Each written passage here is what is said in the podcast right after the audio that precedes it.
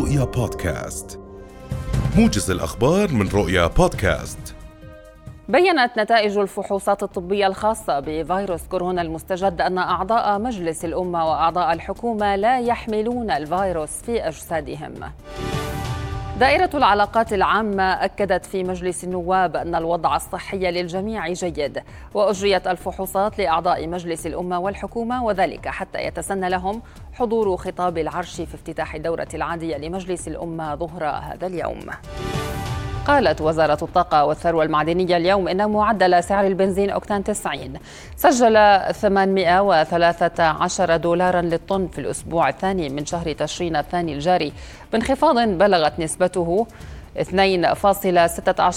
مقارنة مع معدل سعره في الأسبوع الأول من ذات الشهر البالغ 835 دولارا.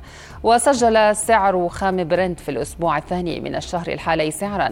بلغ 83 دولارا و70 سنتا للبرميل مقابل 83 دولارا و20 سنتا المسجلة في الأسبوع الأول.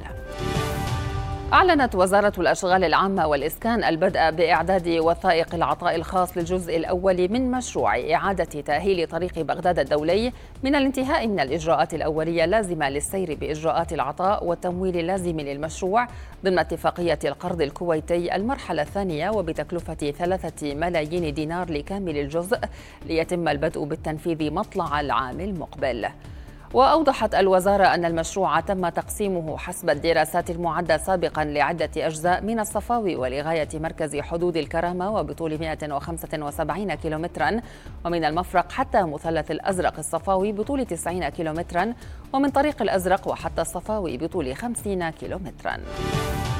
اقتحم عشرات المستوطنين المتطرفين اليهود اليوم باحات المسجد الأقصى المبارك الحرم القدسي الشريف بمدينة القدس المحتلة. وأوضحت دائرة الأوقاف الإسلامية في القدس المحتلة في بيان أن 85 مستوطنا اقتحموا المسجد الأقصى عبر باب المغاربة على شكل مجموعات بحراسة مشددة.